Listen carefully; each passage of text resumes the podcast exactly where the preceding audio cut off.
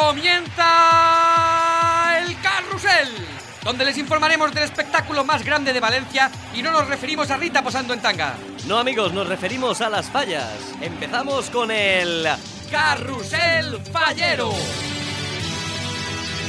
Y antes que nada, vamos a hacer una ronda por los principales casales de... Atención porque la tarde empieza movidita en el barrio de Blanquerías. Adelante compañeros.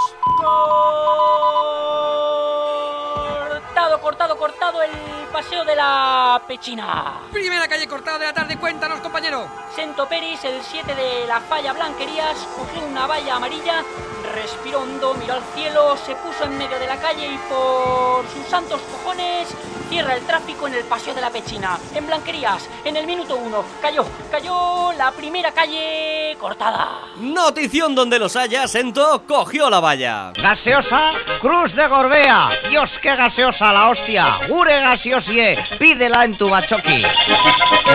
Adelante pide paso a la falla del convento de Jerusalén. Se masca la tragedia con la fallera mayor. Está practicando para la ofrenda y no consigue llorar ni a la de tres. Ya tenemos servida la polémica para toda la semana. Han probado con ponerle cebollas en el ramo, a insultarle, incluso le han puesto una hora entera de la programación de Telecinco, pero ni por esas. A la fallera mayor no le salen ni las lágrimas. Dile lo que te pagamos, becario, a ver si así le da pena. Gracioso. Si os parece, vamos a ver qué opinan los seguidores de esta falla. Venga ya, hombre, esto es una vergüenza. Deberían haber elegido a mi hija, que llora de maravilla. Lo ha aprendido de mí, que soy constructor arruinado y no veas lo bien que lloro cuando me cruzo con un político.